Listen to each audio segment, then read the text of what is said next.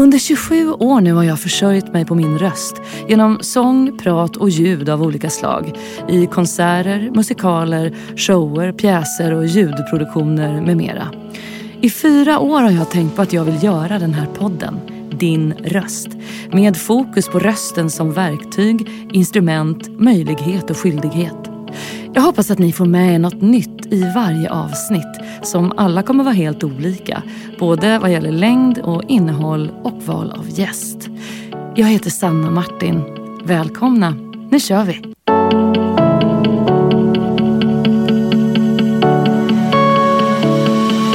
Din röst.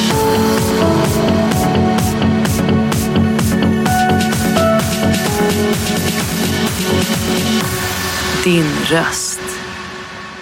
Men då ska vi sätta igång eller? Det gör vi. Det gör vi. Välkommen Emanuel Karlsten Tack. till Din röst. Tack så Fantastiskt kul att träffa dig och att du ville komma och vara med. mycket. Ja. Säger man Karlsten eller Karlsten? Nej, Karlsten. Ja, eh, jag blev lite osäker där Ja, men det är många som blir konstigt nog med mitt namn. Det är alltid felstavat och eh, har alltid varit så. Eh, det värsta var tror jag, i, i, i en P1-debatt då jag då presenterades som kantsten. Nej, Det blev, en, det blev en bra intro till hela den debatten som sen följde. Just det, lagom edgy. Ja. Ibland gör man saker man inte riktigt själv förstår. Som att söka sig dit alla andra söker sig bort ifrån. Det är ingen resa för att bistå med mat eller förnödenheter, utan för att förstå. Rysslands krig är helt unikt. Och trots att jag sitter varje dag i flödet fattar jag ingenting. Så i morse åkte jag till gränsen mot Ukraina för att fatta mer. För att berätta deras berättelser. Det här är ett citat från din Instagram, 14 mars. Är det viktigt för dig att vara en röst för ett folk och en plats som behöver en röst? Ehm, ja, men hela den där grejen handlar nog ännu mer om att jag... Ja, vad handlar, det är egentligen en bra fråga vad det handlar om för att det var väldigt otydligt för mig. Jag, jag är ju inte en krigskorrespondent. Eh, även om jag har varit ute på eh, liksom resor och gjort reportage och varit på Lesbos och eh, liksom skildrat den flyktingkrisen som var där så är det inte det som är min primära, liksom mitt gebit. Men det är ju en sån otroligt historisk eh, tid detta, det, det här kriget, att det är liksom så nära oss. Och det eh, kändes som att det- hela, hela min kropp bara värkte, att jag behövde vara där, där det hände på något sätt. Av oklara skäl, jag försökte liksom sortera det väldigt mycket för mig. Vad, vad var det som gjorde att jag kände så starkt att jag behövde åka? För att jag hade ingen uppdragsgivare som skulle betala det. Jag är frilansare eller jag hade inget eh, eh, jag har som sagt ingen stark erfarenhet eh, från att åka i, i liksom krigszon eller konfliktområden och så. Men det var väl det, att, att, att försöka förstå. Det var så himla abstrakt alltihopa. Att om det nu var så nära, det, kunde, det var liksom på eh, liksom grannbyn, nu är det inte, men, men nästan ett land som ligger så nära oss. Vad det innebär för de här personerna, vad det innebär på riktigt. Att liksom komma nära, se, känna och förstå. Och om inte jag kunde förstå som satt så djupt i det här flödet och läste och så många olika eh, konton som man följde eh, så, så kanske det var andra som också hade problem och, och då så, så, så var det väl det som var drivkraften, att förstå. Kanske mer, det är klart att det var att berätta andras berättelser men också att att det skulle komma nära på ett sätt som, som det inte hade, hade gjort. Och att jag trodde att om det kom nära för mig så trodde jag att jag skulle kunna få, få det att komma nära för andra. Eh, och, och sen så också en slags att man ville göra något bara. Mm. Men har du alltid varit fascinerad av berättelser? Både att ta del av och att berätta själv? Fascinerad har jag väl såklart varit på ett sätt men inte egentligen. Det, jag, det jag varit inte fascinerad av mest är eh, samtalet eller vad man kan, hur man kan påverka med, med berättelser. Det är mer nog påverkan som varit intresserad. Hur jag själv påverkats av ord. Alltså hur man eh, hur skribenter liksom kan lyckas formulera sig egentligen oavsett ämne, om sport eller vad som helst. Alltså att man verkligen känner någonting in, i- in i märgen nu. Det har ju varit otroligt fascinerande tycker jag. Eller hur man hur man kan liksom eh, mötas i debatter och förstå saker bättre. Eller sådana så. Det är nog mer det som, som har fascinerat mig och så, inte minst med internet har gjort det mycket tydligare också hur man kan skapa sådana möten. Men när du var yngre, eh, var mm. du en konsument av journalistik själv? Och läste mycket tidningar och nyheter och så? Ehm, ja, det var jag. jag var, men det, var, och det började med sporten för mig då. Jag tyckte det var väldigt spännande. Ehm, men, ehm, men, men, men jag var nog ännu mer, det som blev min stora liksom, ingång i det var just när, med forum och internet, där man fick diskutera. Jag var otroligt debattsugen, så det var liksom min grej. Att jag ville, jag kast, vad, som, vad det än var så, så kastade jag mig in i det. Jag ville bara hamna i konflikt, håller på att säga. Det ville jag inte, men jag ville bara hamna i, i hetluft på något sätt. Mm. Hitta en ingång, det tyckte jag var spännande. När du var yngre, hur var du då med att höras och prata inför folk? Ja, men jag är uppväxt i kyrkan eh, och då är det ju en väldigt central del att höras. Mina föräldrar är också eh, ja, pastorer kanske man kan kalla det. De är officerare kallas det i Frälsningsarmén. Mm. Eh, så att, och, och, har ju liksom startat upp nya församlingar då på Gotland där jag växte upp. Så, så att vi, hela vår familj har ju varit en enhet i det där i att, man, att vi har gjort det tillsammans och att man då har ju mer eller mindre knuffats in i olika ledarpositioner och också då tidigt eh, fått ta plats och tagit plats eh, på, ja, kalla det scen då. Ah absolut. Så mm. det har ju varit en ganska självklar del. Så för dig var det ingen skräck att hålla föredrag i skolan? Nej, nej, nej det var ganska självklart. Ja. ja. Du sa precis att du var uppvuxen på Gotland. Ja. Hur mycket gotländska har ja. du polerat bort? Nej, men det är ju så då att min pappa är från Stockholm och min mamma är från Borås. Vi flyttade till Gotland när jag var ett år. Eh, och då flyttade vi till den eh, kåren som det heter, Frälsningsarmén då. Som ligger mitt i Visby innerstad. Eh, och till Visby innerstad flyttar ju folk från fastlandet med eh, eventuellt lite för mycket pengar. Eh, så när de säljer då sin bostadsrätt i Stockholm eller vad det nu kan vara för någonting så har de som sagt lite för mycket pengar över och kan köpa ganska mycket vad man vill på Gotland och då är det ju väldigt pittoreskt med innerstaden. Så att i den skola som jag gick i innerstaden i Visby så fanns det en, tror jag, i min klass, eventuellt två som pratade gotländska. Nej. Annars var det olika dialekter. Så det var liksom, jag hade varken hemifrån eller i skolan gotländskan. så det är inte så att jag slipat Nej. bort utan det är bara... Den har bara aldrig kommit dit. Det riktigt. blev aldrig Nej, så. Jag förstår. Mm. Jag älskar dialekter, så jag var tvungen att fråga. Ja. Men du sa precis att du växte upp i Frälsningsarmén. Ja. Som femte generationen frälsningssoldat ja. läste jag mig till. och jag var tvungen att läsa på vad just Frälsningsarmén faktiskt står för och förstod att deras kallelse är att förena tro med ett starkt och stort socialt engagemang. Mm. Eh, fick du engagemanget med blodet? Ja, absolut. Nej, men det eh, var ju som sagt, det, alltså, alla, det är ju ingen som vill vara med i Frälsningsarmén men alla respekterar det eh, på något sätt. Ju. Eh, det är ju, och det är just utifrån det att man låter, eh, att det inte bara var, låter vara stanna vid bekännelse så att säga, mm. utan att det praktiseras. Så det var, har ju varit väldigt naturligt att, och väldigt centralt också för mig att att det inte bara ska vara, att man inte bara ska prata om saker utan måste också eh, synas i handlingar. Men var det inte mycket musik också i Frälsningsarmén? Jo, det var det. Eh, men kanske inte så mycket. Alltså, min, mina föräldrar var kanske okonventionella på det viset. Det var inte så mycket gitarrer under hakan och sådär. Utan de var mer, eh, ja men de ville starta nytt och de ville göra saker på annorlunda sätt. Och, så det var liksom inte så mycket hornmusik eller brassband och sådär. Nej. Eh, även om det fanns. Vi bodde en sväng också i Örebro och Borlänge och då var det mer konventionellt. Och då mm. fick jag lära mig att spela kornett eh, och vad var det mer, bariton och så vidare. Men mm. annars så var det trummor som var mitt instrument senare mm. då. Mm. Mitt intryck av dig är att du är väldigt grundad och långt ifrån en sensationslysten journalistik. Mm. Jag tycker att du har en eftersträvansvärd eftertänksamhet. Ett lugnt och sakligt sätt när du berättar men ändå lyckas du visa ett oerhört starkt engagemang. Hur började ditt samhällsengagemang på riktigt? Ja, men det började ju där. Alltså det har alltid funnits så. Det började ju just med barndomen. Alltså det har ju varit som sagt en sån naturlig del. Båda mina föräldrar har ju arbetat, eller jobbar ju fortfarande i Frälsningsarmén och det innebär ju att allt i ens liv, eh, familjen utvidgas till att inkludera eh, alla. Vi har ju inte haft en enda julafton där vi inte har, som vi inte har firat tillsammans med, med andra. Och det eh, eh finns ju absolut inget, det finns bara positivt skulle jag säga i alla de sakerna. Att man eh, eh familjen och hemmet har liksom utvidgats till att eh, vara för alla. Eh, och man har levt med människor som har varit utsatta på olika sätt och som har eh, haft allt, ja, missbruksproblem och vad det nu kan vara för någonting. Det har varit en sån självklar del av livet att se och leva med dem eh, och eh, orientera utifrån det. Liksom. Så att eh, det har, det har liksom alltid varit en, en väldigt central del av livet. Så. Mm. Vad gjorde det med dig då att se detta i så tidig ålder? På många sätt gjorde det väldigt mycket. Det är väldigt speciellt ju att växa upp i en frikyrka också. Alltså växa upp som troende i ett sekulärt land och sådär är väldigt speciellt. Man lär ju sig att bli, eh, vad ska man kalla det?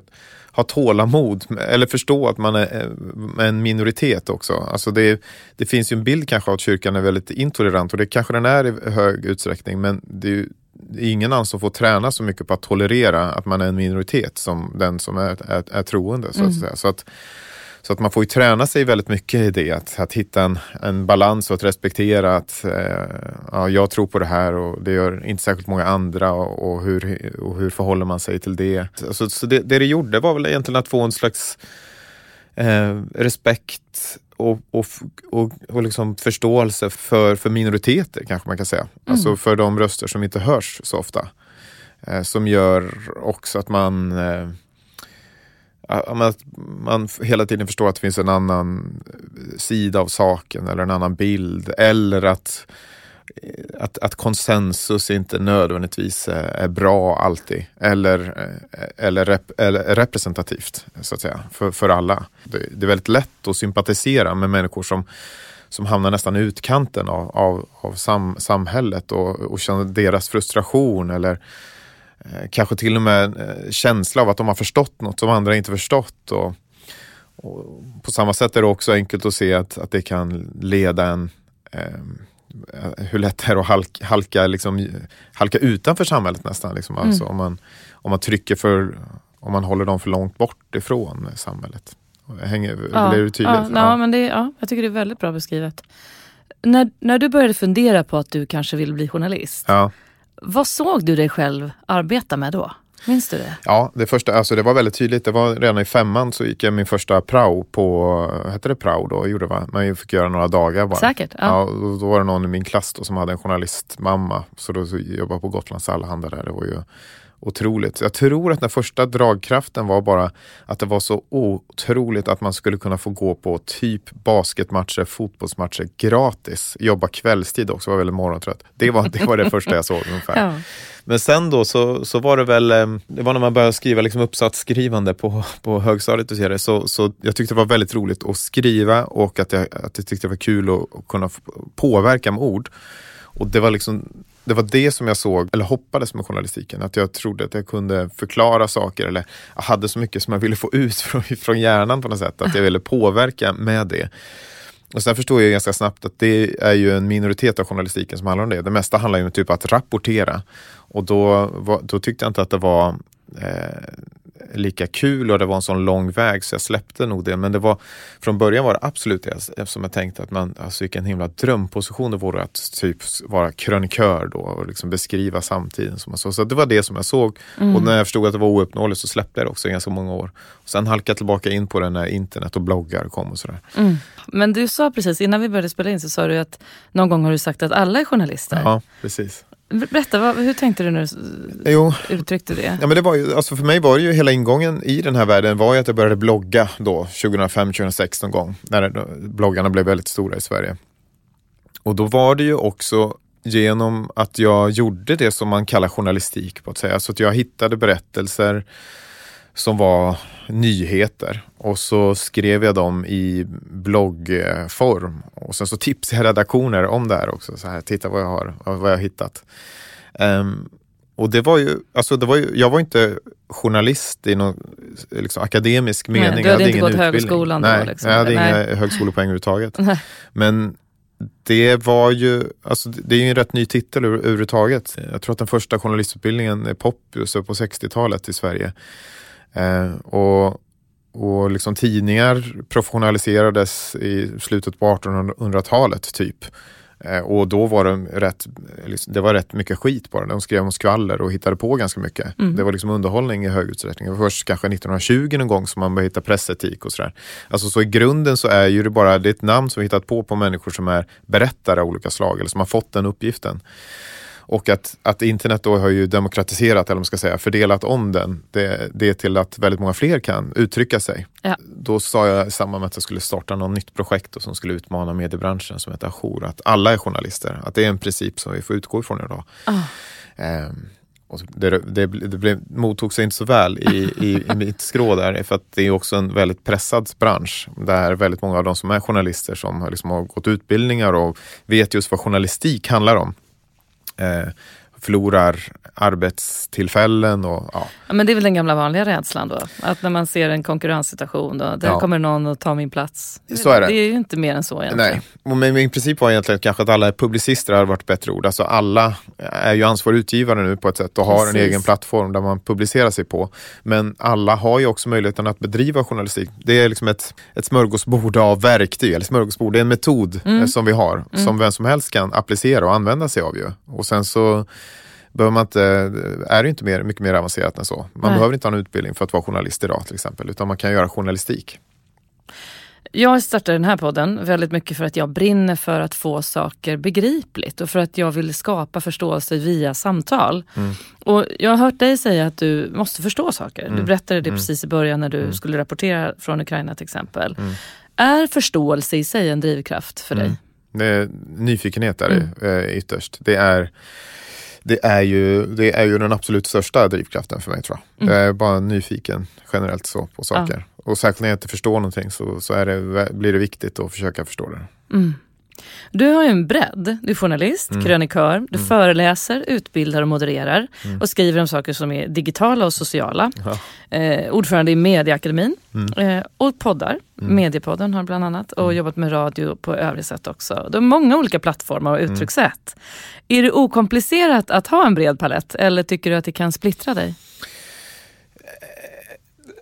Ja, men det, det som är komplicerat är ju om man vill vara journalist då så så, så bygger det också mycket, mycket, såklart på förtroende. Men är, då kommer vi in på den här journalistrollen igen. Alltså att det, man kan inte göra, man kan inte vara för spretig för då så eh, kompromissar man med de här oberoende idealen eh, som finns. Alltså jag kan inte hålla på och göra för mycket, jag kan inte göra, gå in och göra PR-uppdrag eh, för massa företag och sådär. mm. För då blir jag då blir jag megafon liksom för, för personer och då kan jag inte sen heller med trovärdighet skriva om dem.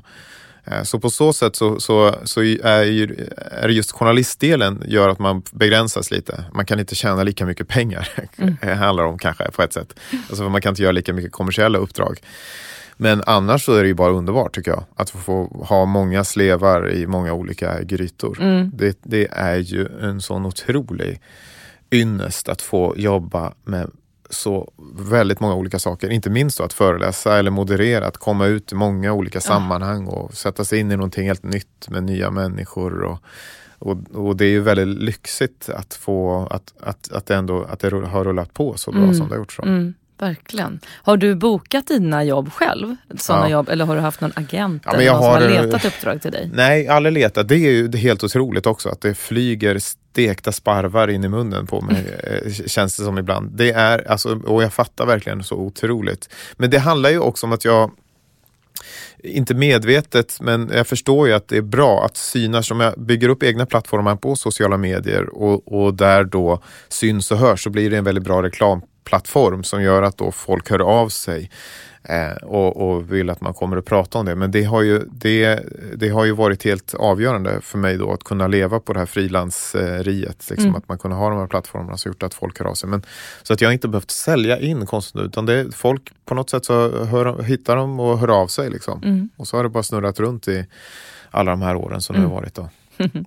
Jag tycker så mycket om din underrubrik på din sida. Mm. Journalistik om det som inte funnit annan plats. Ja. Är det ofta så att det som liksom har sin plats Ja. är för styrt om man säger så, för formaterat? Eller vad skulle du säga? Ja, nej men, eh, det, ja, men det är ju egentligen just så att för att jag har ju så otroligt fria roller på olika tidningar. Jag har ett, ett kontrakt till exempel på Göteborgs-Posten där jag får skriva väldigt fritt om nästan vad, vad, vad som helst. Då. Eh, och, och innan dess så var, hade jag ju samma sak på Dagens Nyheter och så nu på morgonen har jag varit på Nyhetsmorgon eh, och, och då får man också väldigt fritt då att välja ett ämne och komma och prata om det i tio minuter här. Eh, så att så det blir allt färre som inte hittar någon annan plats. Men det finns ändå saker som är väldigt mallade. Men där det finns en, en, en vad ska man säga, det, formatet styr väldigt mycket av traditionella medier, vad de skriver om och sådär. Alltså det kan vara pappersformatet eller tv-formatet som begränsar och som gör det eh, otydligt eller det blir eh, det är långa väntetider innan man kan skriva någonting för att man ska vänta in rätt tid på, av olika kommersiella skäl kanske. Och på så sätt så har det funnits, ja, det har varit viktigt att ha egna kanaler då helt enkelt, egna plattformar att kunna skriva om det som, som inte av olika skäl då får annan plats. Och nu var det Ukraina då till exempel som är absolut senaste där jag kunde, jag behövde inte vänta in någon uppdragsgivare som skulle godkänna eller vi skulle budgetera innan.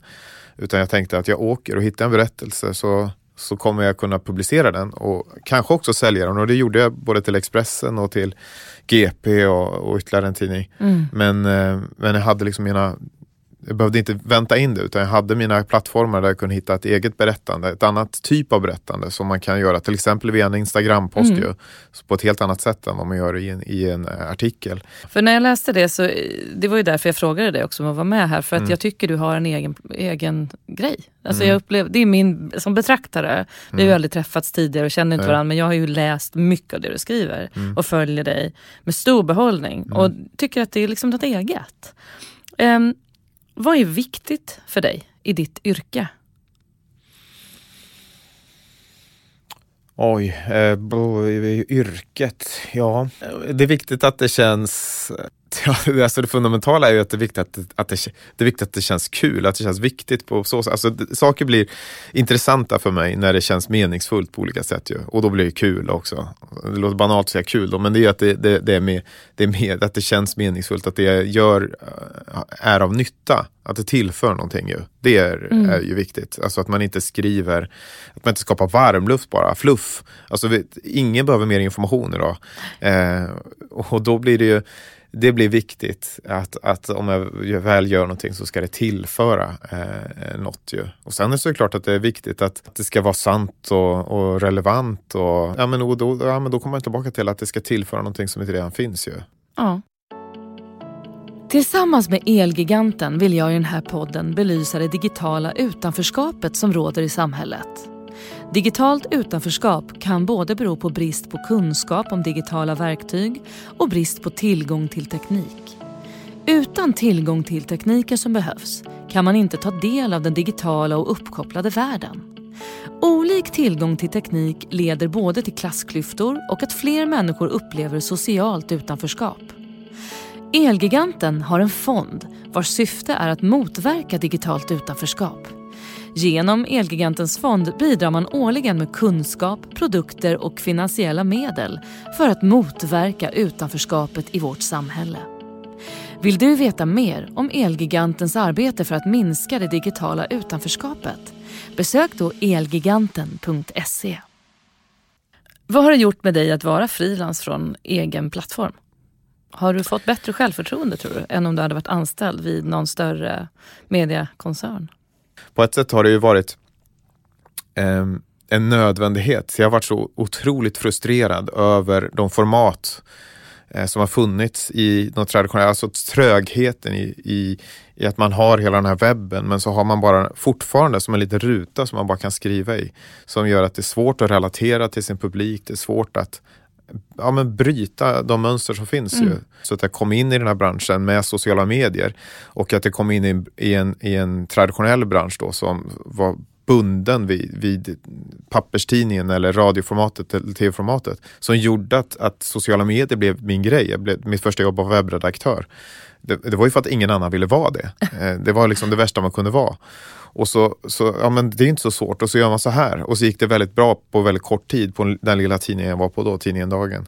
Eh, och vi vann massa priser och allt vad det var. Liksom. Och, och, men det var ju en frustration på ett sätt för att egentligen ville jag ju, det var intressant och allt det där. Det är jätteintressant med vad sociala medier skapar och förändrar samhället. Men egentligen ville jag ju skriva bara. Så att jag hade säkert kunnat skriva, om jag hade bara nöjt mig med att det här är rutan du ska fylla med innehåll, så hade det säkert gått toppen. Men det, det gick eh, inte. Jag blev bara arg och frustrerad. Eh, och, så att det var liksom av nödvändighet att, att, eh, att, att lämna på ett sätt ju, eh, traditionella medier och, och, göra det som frilans och hitta frihet liksom i formaten och experimentera och testa och göra olika saker. Ah. Du gör ju som sagt mycket olika saker under din arbetstid. När du planerar din vecka, hur stor del av den blir som du hade tänkt?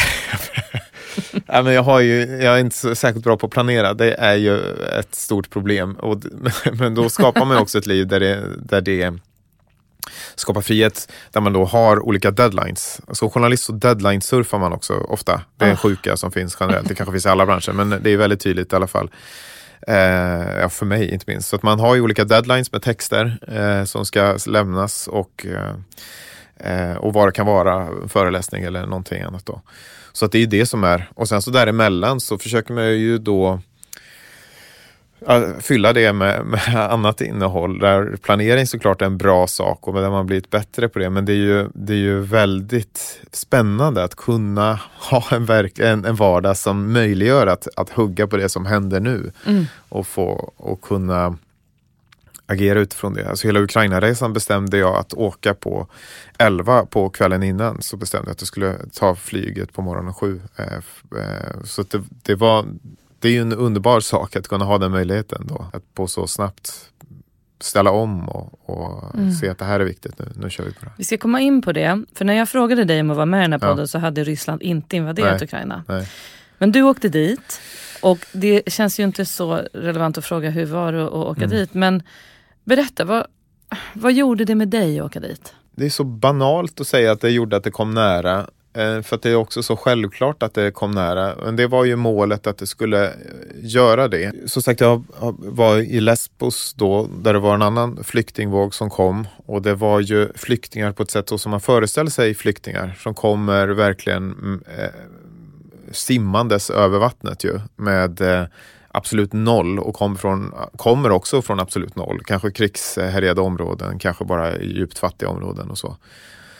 Och det är ju en typ av hemskhet som är ofattbar och även när man ser på den är den ofattbar.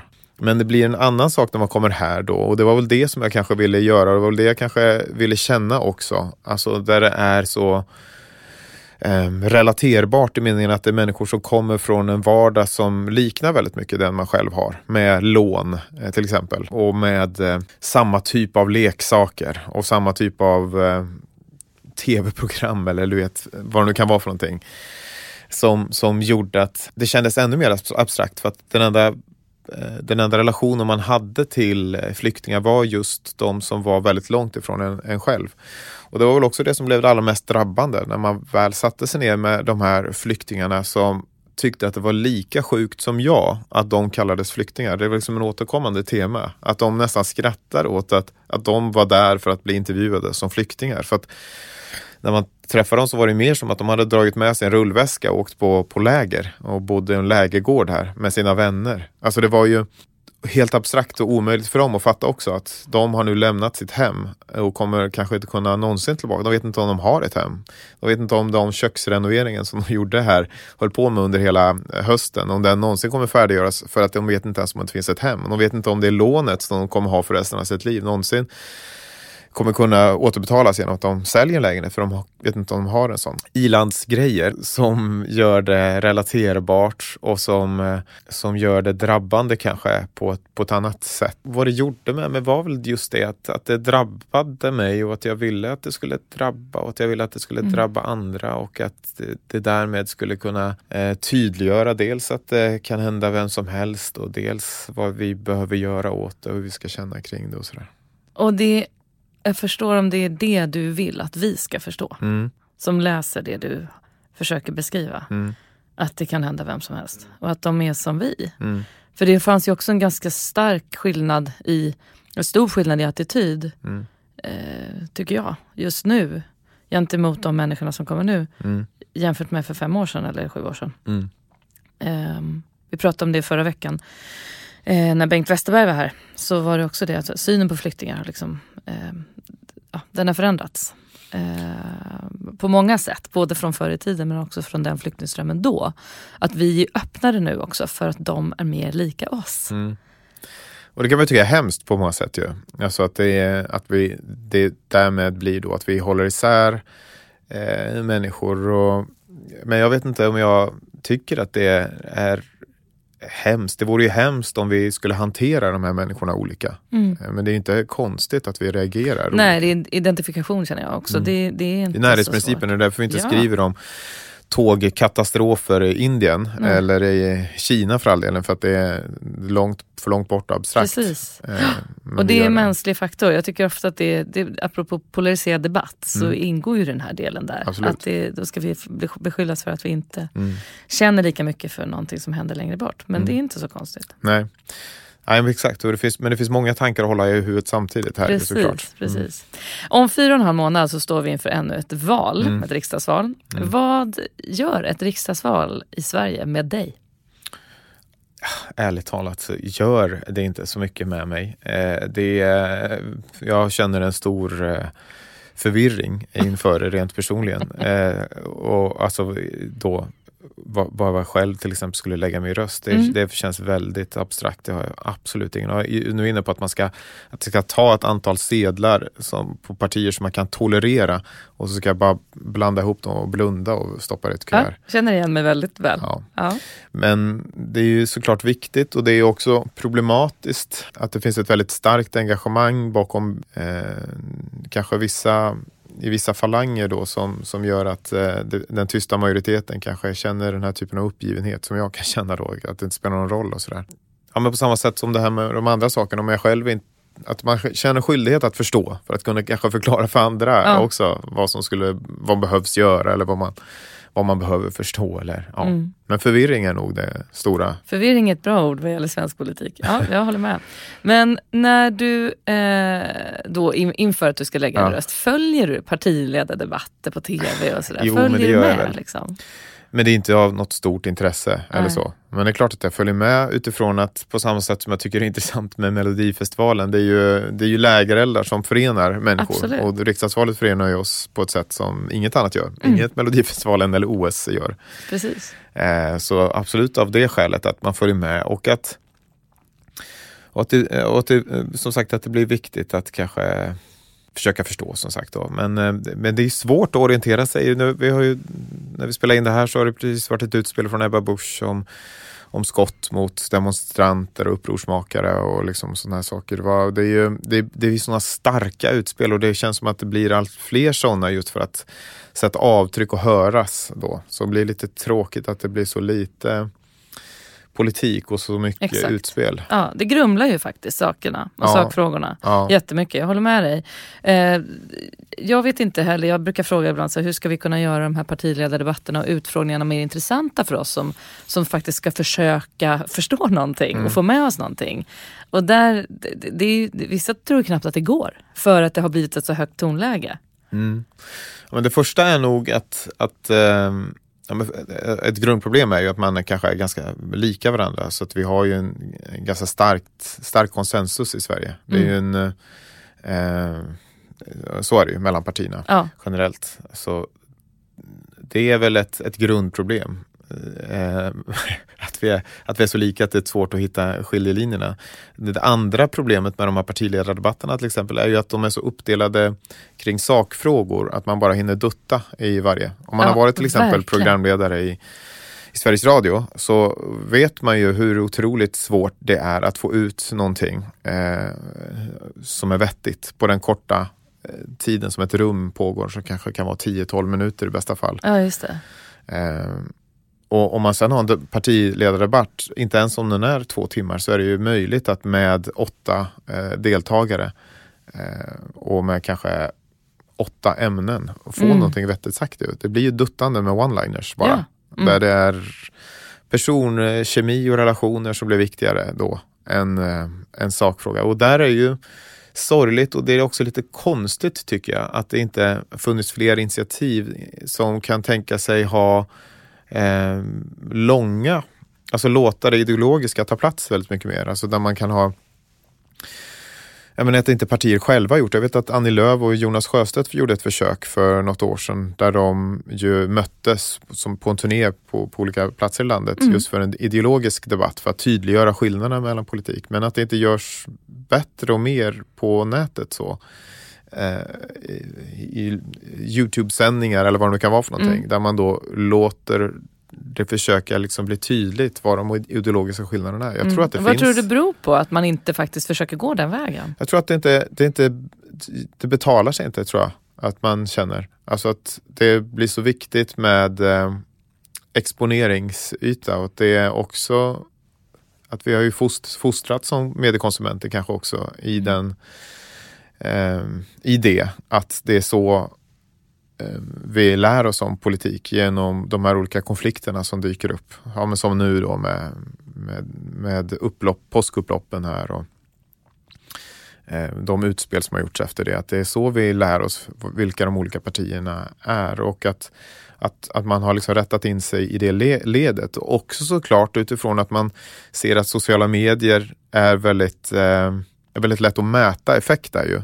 Och då mäts det som, som, som framgång och man liksom jämför sig med olika aktörer då och säger men nu måste vi göra så här för att det ger framgång. Och så tittar man kanske på Hanif Bali, Moderaterna, som är väldigt framgångsrik på Twitter eller mm. Joakim Lamotte som är väldigt mm. framgångsrik på Facebook. Eller Sverigedemokraterna för all del som är det. Och så tappar man liksom att sättet vi konsumenter idag eh, konsumerar Eh, information på är inte bara eh, på ett sätt. Alltså vi kom ju från en värld innan internet där det egentligen bara fanns en informationskälla, vilket var medier, massmedier. Och det var ju ett traditionellt sätt att ta till sig information på där man då eh, slog på tvn eller öppnade tidningen och, och avsatte tid. Liksom vi skulle sitta och bläddra i varje morgon så satt vi och bläddrade tio minuter. Har ingenting på första sidan, nej, bläddra vidare. Ingenting på andra. Så bläddrar mm. man tills man hittar någonting. Liksom. Mm. Det, var ett, det var sättet vi tog. Det är likadant med tv. Jag sätter mig i soffan mm. och så ser jag, byter jag kanal tills jag hittar någonting jag yeah. hittar. Men det vi har fått med internet är en flora liksom, av nya beteenden då. Där sociala medier är ett av dem. Det är ju det är ett väldigt starkt beteende där vi tar upp mobilen 150 gånger per dag och liksom scrollar rastlöst efter någonting som småätande av information hela tiden. Ju. Men som också är väldigt likt ehm, eh, ett minglande, ett socialt minglande. Verkligen. Där det är liksom den typen av information som får genomslag. Alltså mm. det som man... Eh, vi är inte beredda där och då att som när vi sitter i soffan och flippar runt på TV, då har jag bestämt att jag sitter där en timme. Men mobilen tar upp det och bara scrollar till någonting som ska kittla mig för stunden. Ju. Eh, och det är ett starkt och dominerande beteende men utöver det har vi till exempel två andra lika starka men inte kanske dominerande på samma sätt och det är ju söket till exempel där vi när som helst söker och förväntar oss att hitta rätt information. Eh, och, och som det har varit liksom ett väldigt starkt informationssug ju, efter att hitta rätt, eh, rätt saker. Och sen så har vi ett innehållsval som är där vi lyssnar på en podd i en timme eller där vi kan titta på en Youtube-kanal i liksom flera timmar eller 20 minuter eller en halvtimme eller vad, för någonting, vad det är för någonting. Och idag när vi tittar på människan så ser vi bara det här småätande sociala mediebeteendet och tänker att det är hela människan eller mm. det är det är det viktigaste. Eh, men det är liksom en del av de här ja, fyra beteenden som jag räknat upp och som absolut inte sammanfattar människan. Eh, vi är ju också som sagt de människor som söker information när vi tänker på den. Vi är människor som gärna lyssnar en timme på en podddokumentär eller eh, har en Youtube-kanal som liksom vi, vi, lägger massa tid på och vi, vi, slår oss gärna ner och tar emot information på ett annat sätt. Det är bara liksom olika beteenden som olika plattformar möter på olika sätt. Ju. Och så är det så otroligt mätbart och effektivt att titta bara på de här sociala medierna och tänka att det här är den samtida människan och den måste vi anpassa oss till. Och så glömmer man alla de andra beteendena mm. och glömmer därmed liksom helheten i det. Och jag tror att det är en, en fälla som många politiker har liksom eh, fallit i. Att de bara räknar det eh, ytligt mätbara med likes och så vidare. Ja, och så väldigt man inte intressant betraktelse. Mm. Väldigt spännande tanke. För att så är det nog. Att vi förenklar. Det, det, det, återigen, vi jag hade Göran Hägglund här för några veckor sedan. Jag refererar jätteofta till det han sa om att det går inte att hitta enkla lösningar på komplexa problem. Eh, det sa han liksom i flera, ja, i olika, eh, kring olika saker. Mm. Men, men jag menar, de eh, som befinner sig i det här läget, de behöver ju liksom oss, om man är krass, mer än vad vi behöver dem. Mm. Det kommer, kommer förmodligen komma nya politiker eh, med tiden, men jag menar, de behöver ju vår, att vi begriper. Mm. Och om det då är det här de ser, som du säger, då, ja, då, då förlorar de ju oss ja, på sikt. Ja, men det tråkiga är ju att, att populism då, eh, det som har hänt historiskt har ju varit att, att trad, traditionella, etablissemanget kan vi säga, etablerade aktörer har ju kunnat njuta av den, det utrymme som man har fått via tv, via tidningar, via radio. Mm. Eh, och också känt avsmak kring det här nya digitala som har liksom växt upp utanför. Som inte varit reglerat kring samma etiska principer eh, till exempel. Och det har ju gjort att populisterna har tvingats kanske använda det. Alltså de har ju gärna velat sitta, om vi pratar om de partier som har kommit de senaste åren, det är inte bara Sverigedemokraterna, det är ju Piratpartiet och Feministiskt initiativ och så vidare de hade ju gärna eh, såklart suttit på i morgonsoffer och skrivit i DN debattartiklar och, och alltihopa, men de har ju inte haft samma i alla fall inte Piratpartiet och Sverigedemokraterna, haft samma eh, tillgång till de plattformarna och istället tvingats eh, bygga sina rörelser med hjälp av andra kanaler och har ju därför haft kanske tio års försprång att bygga de här plattformarna. Mm. Och det, just att det blivit, varit så här har gjort att, att, att populisterna har ju blivit de som har um, dels har försprånget men också tagit över i hög utsträckning de här plattformarna för att eh, de traditionella etablerade, kallar de intellektuella, vad vi ska kalla dem då, eh, har kunnat sitta i sina eh, elfenbenstorn om man ska välja. Eh, och så har det skapats det här enorma gapet där. Och det intressanta vore ju då om man tar det Göran Hägglund säger om att eh, det finns eh, det finns ingen plats för komplexiteten eller vad nu sa för någonting. Det är ju om man då ser att det här är förutsättningarna, det här är de olika beteendena som vi har. Mm. Hur kan vi göra det begripligt för folk att de här populistiska lösningarna på de komplexa problemen skapar ingen, inget positivt samhälle. Alltså vi, vi blir inte smartare bara för att vi låtsas som att det finns enkla lösningar på komplexa problem. Uh. Hur, kan man, hur kan man få politiker som vågar stanna kvar där, som, inte liksom, som, som, som, som finns på de här plattformarna, inte för att leverera one-liners utan våga göra, peka på någonting större, någonting mm. svårare, någonting bredare. Där är vi inte och det är vi kanske för att, att de inte de politikerna vi har idag oftast inte kommer från den här världen. De har ju liksom blivit indragna dit av någon PR-person som säger nu måste du finnas här. Då blir det att man fokuserar på de här äh, nyckeltalen med likes och allt vad det yeah. kan vara för någonting. Mm. Det är säkert bara en tidsfråga när vi liksom kommer, kommer ifatt oss där, kommer ifatt populisterna så att säga. Men, men det är ju ett jättestort problem och också ett demokratiskt problem då. Ja. Du föreläser ju en del om ja. digitalisering och sociala medier. Mm. Vad har du själv för relation till, till just de här begreppen? Är det bara positivt med digitalisering eller och mår vi eh, bra? Mår du bra i sociala medier? Ja, men det skulle jag nog påstå att jag gör. Men mm. det handlar ju också om, om ehm, det har väl varit i omgången, här var med mognadsgrad tror jag. Och det där tror jag är inte så mycket om ålder, utan det tror jag är lika mycket för min eh, farmor till exempel, 89 år nu då. Nu kanske hon har mognat lite, men för henne var det ju när hon kom in på nätet så var ju det lika mycket som när jag kom in där, att man överkonsumerade. Liksom att, det är som att skicka in en femåring i en godisbutik och ja. säger ta för dig. Men sen så är det ju så med alla femåringar att de blir ju äldre och förstår att om jag äter godis tills jag kräks så är inte det så kul och så börjar man liksom dosera lite tydligare eh, och käka en gång i veckan kanske eller sådär då. Mm. Och, och, det är väl den, den, det behöver nog alla gå igenom. Det är ju en del av att bli vuxen och då inte bara i fysisk mening utan också mental. Liksom. Och det spelar nog ingen roll som sagt om man är 80 eller om man är 5 år eller 15 eller, eller 25 utan det är ett det är ju någonting som man behöver hitta eh, balans. Liksom. Allting kan brukas och missbrukas. Men när du är ute och föreläser, mm. vad, är, vad, känner du själv att du vill påtala kring de här ämnena? Det är nog att det är så himla lätt att skylla saker på internet eh, när det egentligen handlar om om människans förmåga att bruka och missbruka som sagt. Alltså det som händer med nätet är att alla våra gamla beteenden återföds i liksom digital kropp. Ju. Så det gör att vi, vi betraktar våra gamla beteenden med nya ögon på ett väldigt spännande sätt. Jag brukar börja med, med bilden av eh, Ja, men till exempel, jag, jag har ju två barn och så var pappaledig omgångar. Jag och åkte spårvagn i Göteborg, där jag bor nu då, med min son och satt och kollade på mobilen och när jag tittade upp så, så hade min son varit på väg ur vagnen och så kände jag hur hela spårvagnens blickar bara borrade in i mig och sa att jag är världens sämsta pappa som är så besatt av min telefon och självupptagen och alltihopa. Och jag kände mig så träffad av den, De tittade säkert inte så, men det kändes så. Så jag sa till min son, nu åker till biblioteket, lånar massa böcker. Nu ska du få lära dig att bläddra, inte swipa. Eh, och så skulle vi, åkte vi hem och hade en mysig stund i soffan och läste Alfons Åberg. Så kom vi till en scen i Alfons Åberg där som jag kände igen då, där är Alfons pappa som är så upptagen med sin papperstidning att han inte bryr sig om i princip vad sonen gör i vardagsrummet. Han hämtar ju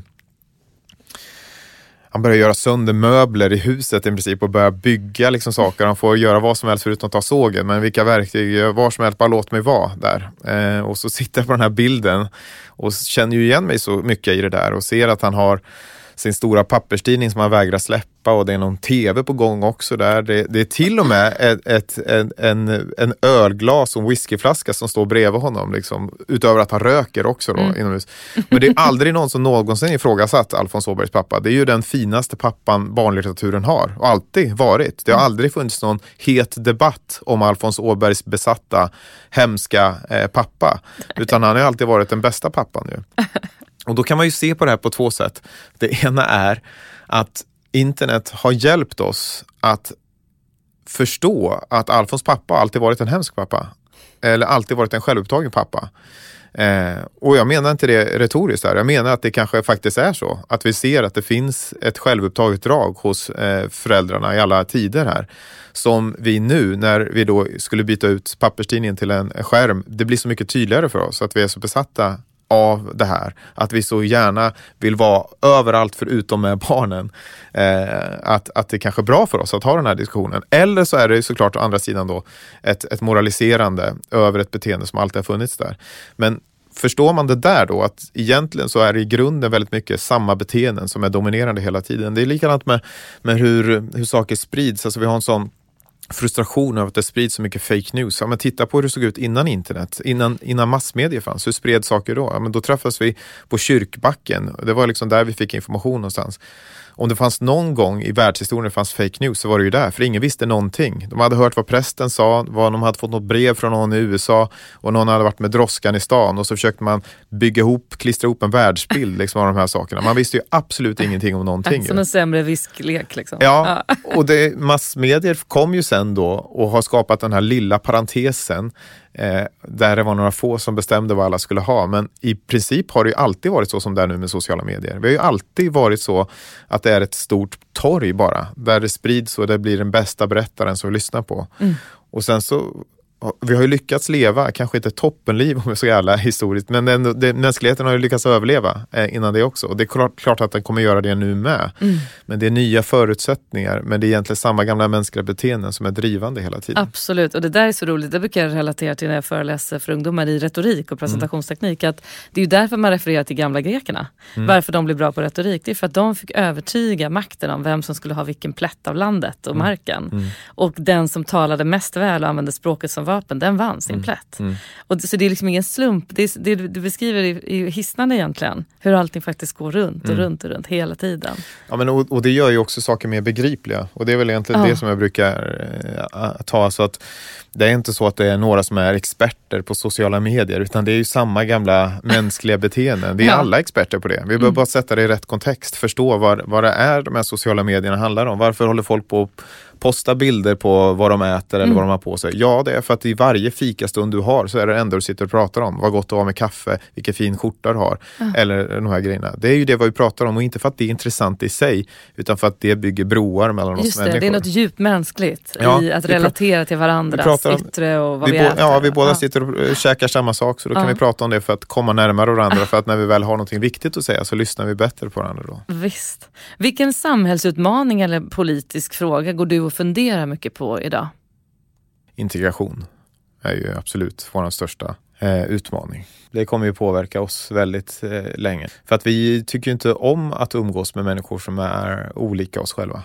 Det är också, apropå internet, så är ju det en speciell sak när man pratar om filterbubblor, att man tänker att det är internet som har kastat in oss i filterbubblor. Du kan ju fråga dig själv hur du liksom strukturerar upp ditt sociala liv. Det är inte så att du sitter på måndagen till din partner och säger, ska vi inte bjuda in Anderssons på fredag vars åsikter vi hatar? Det är ju aldrig någon som säger. Absolut. Utan vi säger, vi bjuder in Pettersson som tycker Mm. exakt som oss, Mm. som vi skrattar åt samma saker eh, som och eh, vi, eh, vi har samma politiska åsikter. Vi bor i homogena områden, vi, vi flyttar om det inte är homogent. Vi söker oss till likasinnande på alla områden ju. Eh, och samtidigt då så, så har vi en idé och en princip och vi tror att vi, vi, eh, vi är jättebra på att eh, liksom gilla olika och sådär. Det är vi inte. Vi tycker Nej. inte om det. När någon röstar på Sverigedemokraterna så säger vi åt dem att ta bort mig ur ett flöde. Så det var ju vad som hände när SD kom in i riksdagen. De, ni som tycker om ta bort mig som vän, vi Absolut, hatar det som inte är Ja, filterbubblor ja. så att säga. Och det är ju ett problem med integration eh, då. Mm. Hur ska man, det är en princip som krockar med praktik på något sätt. Ja. Under coronapandemin så gjorde ju du något helt eget med Mm. dina veckorapporter. Mm. Eh, hur kom du på den idén? Vad var det som väcktes i dig när du liksom Nej, det var, ja, ingen, kom på det, det var panik bara. Jag hade, hade total panik för att eh, pandemin kom och ryckte undan. Alltså journalistik i all ära, men man tjänar inte särskilt mycket pengar på det. Det man tjänar pengar på är ju sakerna runt omkring då. Att föreläsa till exempel, moderera eller andra projekt som har kunnat eh, finnas. Så att det var ju en väldigt stor del av min inkomst som försvann. Mm. Och jag, jag behövde hitta på, hitta på någonting nytt. Men samtidigt så fanns det också en slags journalistisk instinkt att eh, vilja Alltså när alla pratar om någonting så, så, så finns det någonting. Man, man vill vara där, man vill förstå och så vidare. Så att jag hade ju ryggmärgsmässigt börjat skriva om de här sakerna och också märkt att jag hittade vinklar då som tillförde, alltså det som var unika och som eh, trots att alla redaktioner eh, bara jobbade med det här så hittade jag vinklar. Och då så slog det mig när jag hade gjort det några veckor att ja, men här kanske finns en lösning. Det här kanske jag kan bygga egna plattformar och hitta en egen långsiktig in, in, inkomstkälla. Jag vet inte hur länge det här ska hålla på. Så då så sa jag att starta en Patreon då där man kunde eh, som en prenumeranttjänst där folk kunde stötta eh, med en peng i månaden då för att jag skulle skriva öppet på, på plattformar då om de här sakerna.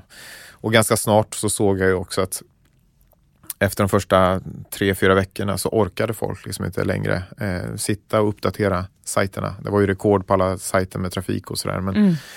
man, vi människor orkar ju inte. Så då så fanns det ett behov av någon som gav en summering veckovis. Och det var ju liksom ett ganska uppenbart behov tyckte jag. Så då gjorde jag det en coronaveckan som gått. Mm. Som skulle göra det enkelt att om man inte orkade Eh, och kanske klarade av ens att eh, läsa nyheter så kunde man läsa fem minuter eller något eh, varje vecka. Så försökte jag ge en exekutiv summering av coronaveckan som gått. Då. Och för detta fick du Stora Journalistpriset som årets förnyare. Ja. Grattis i Tack, efterhand. tack. Ja. Med en outsiders blick för blinda fläckar har Mm. han ställt sig till sina läsares förfogande och brutit fruktbar mark Mm. för ensamjournalistiken. Så löd motiveringen. Eh, årets berättare för sin egen rapportering av eh, coronaveckan som gått. Mm. Det är ju så fint. Eh, det måste varit en enorm bekräftelse. Ja, otroligt bisarrt också att eh, du vet, man si- sitter ju ensam i sin skrubb då inlåst eh, och så också att det var ju allt var ju digitalt där. Ja. Så det, det är ju det finaste priset som, som man kan få som journalist såklart. Så att det var ju en jättefin grej men det var ju väldigt svårt att fatta. Du vet, allt bara kändes som man spelat ett spel på något sätt. Ett, alltså man spelar något dataspel du vet. För att det bara, ja, vann, ja det här vann jag nu ja, men det, alltså, det- all, det blir ju skillnad om man kan vara närvarande med människor och känna känslan, du vet alla de här grejerna. Men vad var det som, vad tror du själv var skälet till att du liksom råkade komma igenom bruset med det här? Att människor faktiskt kunde Ja, det- relatera till det du Alltså, skrev? relatera är inte så svårt för det är nog, det kan väl, eh, det har jag ju liksom slipat på. Det gör man ju också om man håller på mycket sociala medier så lär man, det är ju ett socialt spel ju, så man Mm. lär sig eh, ju vad som fungerar, formuleringar och hur man når in till folk eller hur du kan vrida om och provocera också såklart. Mm. Men, men det var ju kanske mer förvånande att det gick att konkurrera med alla redaktioner då som, som faktiskt jobbade heltid med det här då. Och det var inte bara de här veckobreven, det blev många ganska stora liksom, dokument och avslöjanden under, under den här tiden Ja, med flockimmunitet och Johan Giesecks Mm. olika kontrakt. Och jag, jag tror att en stor del av det var just som du är inne på relationsbyggandet då. Att, att, eh, jag har varit länge och pratat om, om fika och kläder så att säga i, i, i internetgemenskapen som gör att när jag väl har någonting viktigt att säga så lyssnar man då. Ja. Som sagt, det, det här som, den principen som vi pratade om tidigare. Ehm, och som, men det gör också i sin tur att man känner att eh, det har ju varit helt avgörande för mig att jag får tips på de här olika sakerna. Mm. Eh, Så, så att jag För då har ju, folk tipsat dig direkt Ja, sådär, om någonting precis. de vet. Precis, och Okej. det gör de ju för att de dels ser att det får spridning och att det får effekt och att det ger, sätter avtryck. Men också för att de vet att jag lyssnar. Då. Mm. Alltså jag läser ju och svarar på i princip allt. Det är ju en stor del av, av, av det jag lägger den här oplanerade veckan på. Det är ju Mm. att, eh, att, göra, att vara tillgänglig. Tycker att du jag, att det är svårt? Att det är ett, eller att det är ett ansvar? det är ett ansvar där, det är inte svårt. Nej. Men det är ju det är, det är en underskattad del av journalistiken. Mm, och jag tycker att det är en underskattad del av att vara hyfsat, eh, hyfsad också. Ja, För jo, att det precis. är ju otroligt vad många som inte svarar. Jag kan, säga, alltså Ja. jag kan prata om det i timmar, inte bara vad gäller folk Mm. jag har mejlat om den här podden. För där har Mm. faktiskt de flesta svarat Mm. väldigt fint. Men gud vad man har mejlat folk i sitt liv Ja. som bara skiter i det. För mig har det varit ett sånt starkt framgångsrecept i allt. Att, och också sätt som gjort att jag ändå har övervintrat ganska många stormar genom åren. Att jag har eh, lagt så mycket tid på att, på att eh, göra mig tillgänglig, sårbar också för den delen Mm. och visa att man kan ändra sig om det behövs. Och där tror jag är ett vinnande koncept, på, Ja. ja. apropå att det flyger stekta sparvar in i din mun. Exakt. Det tror jag inte är en slump. Nej, nej, precis. Man får bädda eh, för att få ligga bra. Absolut, ja, exakt. Ja, men så kan vi sammanfatta Ja. allt höll. Nej men eh, så, så det har nog varit en, en vinnande grej tror jag. Att eh, jag har alltid, och det betalades i det här fallet då, Ja. att, jag, att jag läste tipsen och hade kanske möjlighet att läsa tipsen på ett, på ett annat sätt och kunna följa upp dem. Och, Hur går det till när du då så att säga, får ett tips Mm. och sen så vill du kolla upp det och bestämmer sig, nu skriver jag det här. Mm. Ringer du upp det ändå och säger så här, jag har det här, vill ni nej, köpa nej, det nej, här? jag, jag har strunt i pandemin, och det var ju väldigt skönt ju. Att, att då hade jag mina egna plattformar. Det, det var, jag hörde av mig till Expressen, eller om det var Expressen som hörde av sig till mig när jag hade den här stora grejen. Jag hade begärt ut massa mejl från Anders Tegnell. Jag hade liksom hela hans inkorg, jag på att Just säga. det, ja. Eh, för att försöka kartlägga hur det här flockimmunitetbegreppet hade fått fäste eller vad historien var. Och då tror jag att det kom ut på något sätt, eller om jag hade delat någon skärmdump eller vad det nu var för någonting, att jag hade de här och då hörde Expressen av sig och frågade liksom, "Jaha, vad har du för någonting? Jag, mest för att göra en artikel, men då insåg jag att jag behövde, det var ett sånt stort jobb Eh, och jag förstod också att det fanns så mycket sprängkraft i det där. Att jag behövde en redaktions, redaktörshjälp helt enkelt. Så jag behövde uh, ansvarig utgivarögon också. Från, Ja. Och jag hade väldigt stort förtroende för deras grävchef eh, Christian Holmén där också. Eh, jag jobbade på Expressen, var mitt Ja, ja, jag jobbade där ett år drygt eh, som sociala medieredaktör, hette det då. Mhm. Det var väldigt tidigt. Men, ehm, och gillade honom väldigt mycket då. Tyckte alltid att han har haft ett starkt patos och väldigt kompetent. Så, så då jobbade vi tillsammans med det då. Men annars har det ju varit att eftersom att jag haft egna plattformar och jag har haft en egen affärsmodell på det så har det varit att jag om jag har någonting så, så, så kör jag ut det så snart som möjligt. Jag försöker få bekräftat liksom från ja, verifiera såklart alla saker. Men sen så är det också konstigt nog så har det, och jag vet inte, det var väl kanske att det gick bra där i början men det har också alltid fått tag, fått access till personer. Jag har kunnat eh, ringa de här olika myndighetspersonerna och de har ringt tillbaka eller svarat som sagt överhuvudtaget. Ehm, och, och, och ja, ministrar och allt vad det har varit. Det har ju varit en eh, det har väl också gjort att, jag, att det blivit mer begripligt. För att allting känns abstrakt som ett tv-spel så att säga. Men det är ju också att jag får svar från de här olika personerna. Det har gjort att man fattat att okay, men då, de förstår i sin tur att Mm. dels kanske att jag, är, att jag är hederlig. Att jag, är, eh, att, jag, att jag inte kommer göra något oschysst men också att, att eh, eh, att det, har, att det har gått bra, eller man ska säga. Att det Mm. har eh, fått av, satt Mm, avtryck. fått fäste liksom. Ja. Vad skulle du säga är journalistikens utmaning idag i vår komplexa tid och i demokratins utmaningar? Oh, det, den absolut största utmaningen är ju fortfarande det här formatproblemet som man har då. Att det man tjänar pengar på är ett format som eh, traditionellt. Det börjar bli ett mindre problem nu då. Alltså att man, att man, in, man har behövt underhålla den här papperstidningen eller tv-sändningen eller radioformatet så mycket för att det är där man fått majoriteten av sina pengar då. Nu börjar det skifta över lite så att man får digitala prenumeranter och då blir det mindre av ett, det, just det ett mindre problem. Men då har vi ett annat problem som handlar om att Ja, men ta Dagens Nyheter, det går svinbra för dem nu. De har gjort superbra vinst till exempel och de har kanske, ja, säg att det är 300 000 prenumeranter. Eh, och det är ju toppen. Det är ju underbart för dem och för deras lönsamhet. Men eh, det är ju inte toppen för den enorma majoritet som inte har Dagens Nyheter som sin, eh, som prenumererar på dem. Det enda de möter är en betalvägg så att säga. Så det vi håller på som vi riskerar att få, som jag är allt mer oroad för, det är att nästan all journalistik idag är ju inlåst då bakom olika betalväggar. Eh, vilket skapar ett problem eftersom att en majoritet inte vill eller har råd eller av olika skäl inte kommer köpa sig till den informationen då. Så det man gör eh, är ju att göra en, en, en eh, liten grupp välbeställda personer informerade och upplysta och skapa kanske ett etablissemang helt enkelt då. Ja. Och att övriga får nöja sig med det som kanske är förklätt det som, det som är politik förklätt i journalistkläder eller propaganda helt enkelt ja. förklätt i journalistkläder. Mm.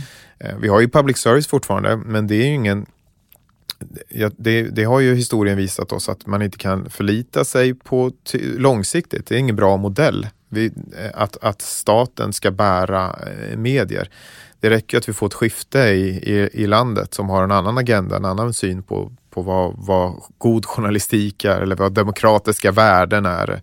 Eh, vad mänskliga rättigheter är för all del också. Mm. Eh, utan vi behöver ju kommersiella medier som, som kanske eh,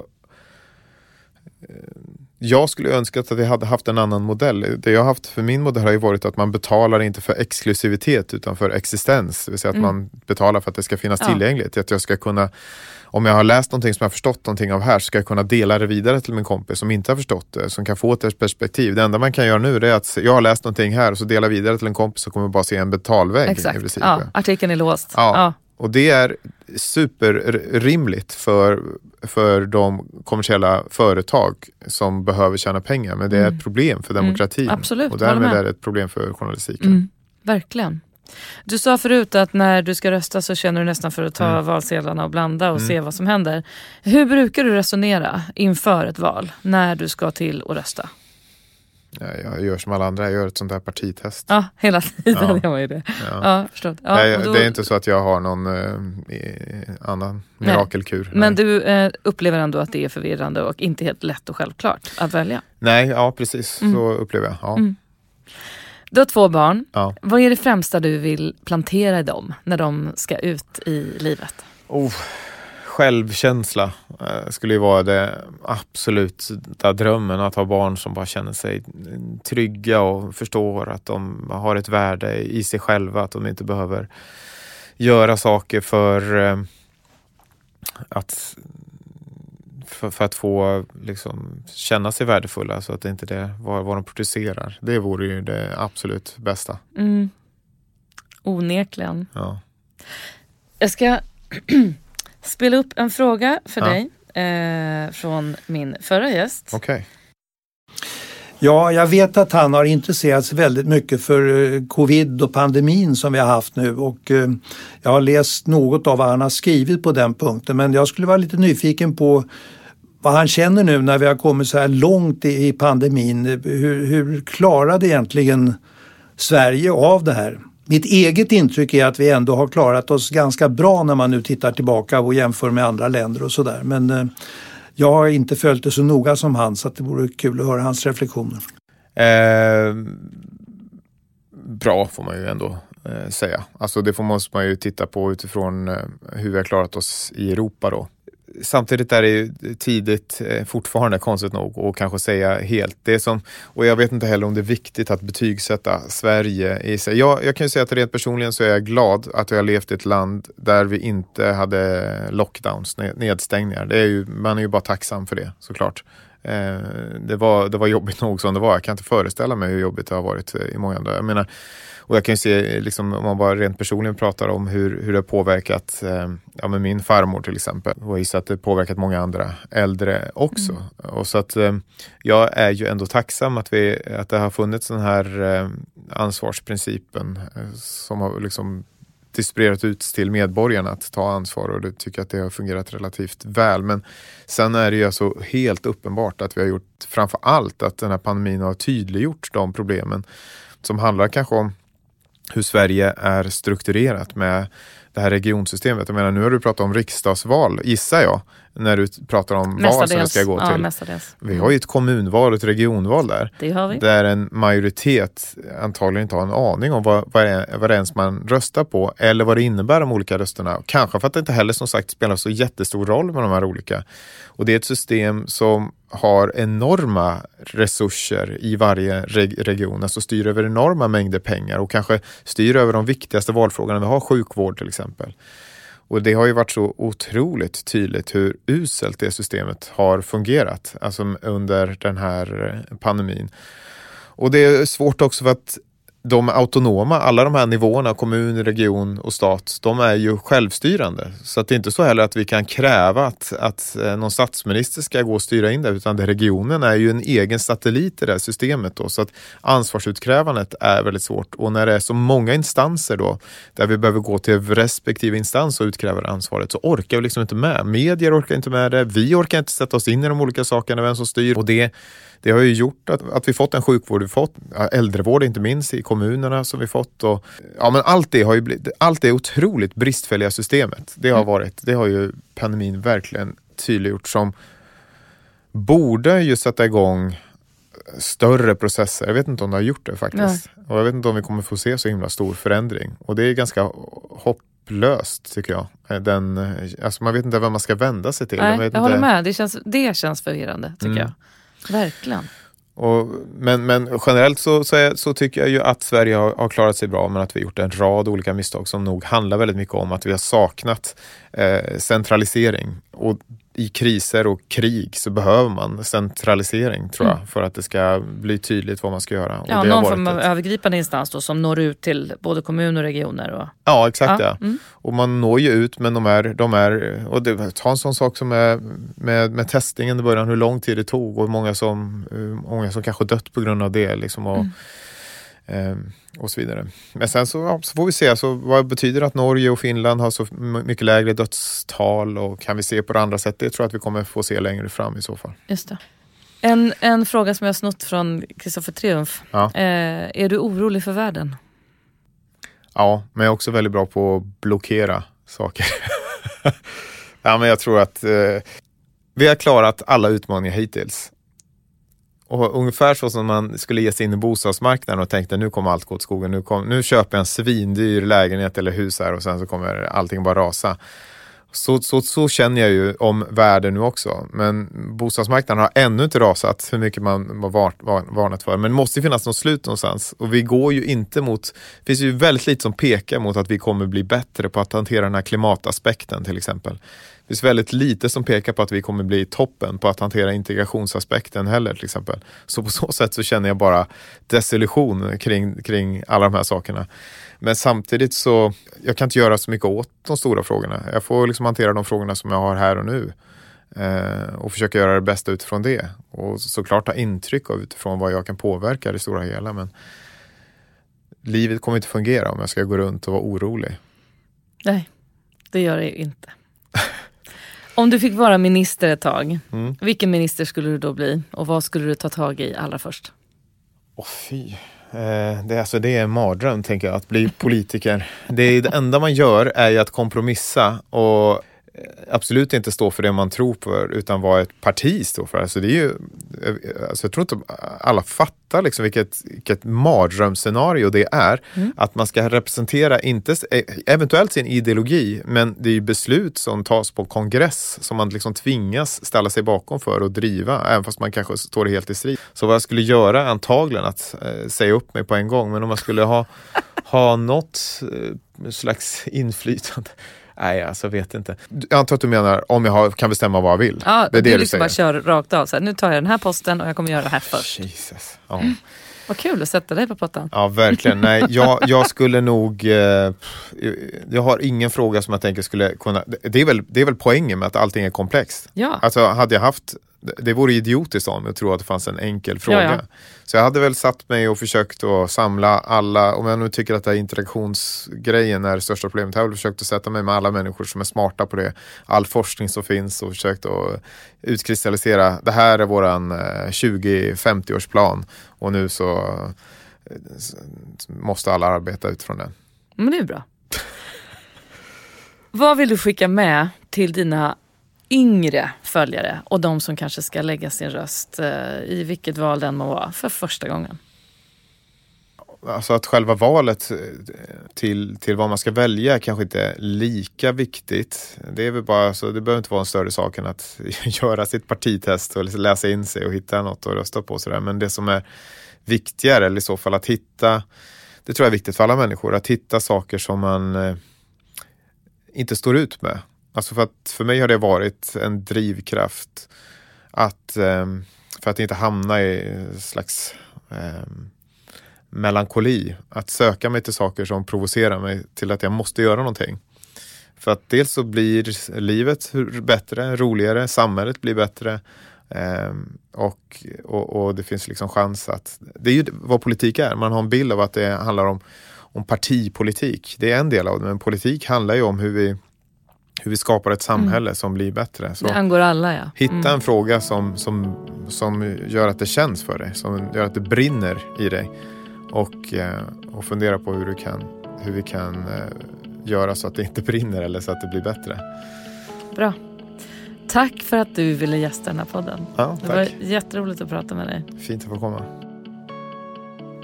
Tack snälla för att ni återigen har lyssnat på min podd. Och tack Emanuel för ett roligt och givande samtal. Tack också Elgiganten för att ni är med och stöttar det här projektet. Tack Casting by Smile för en mysig poddmiljö. Vi hörs!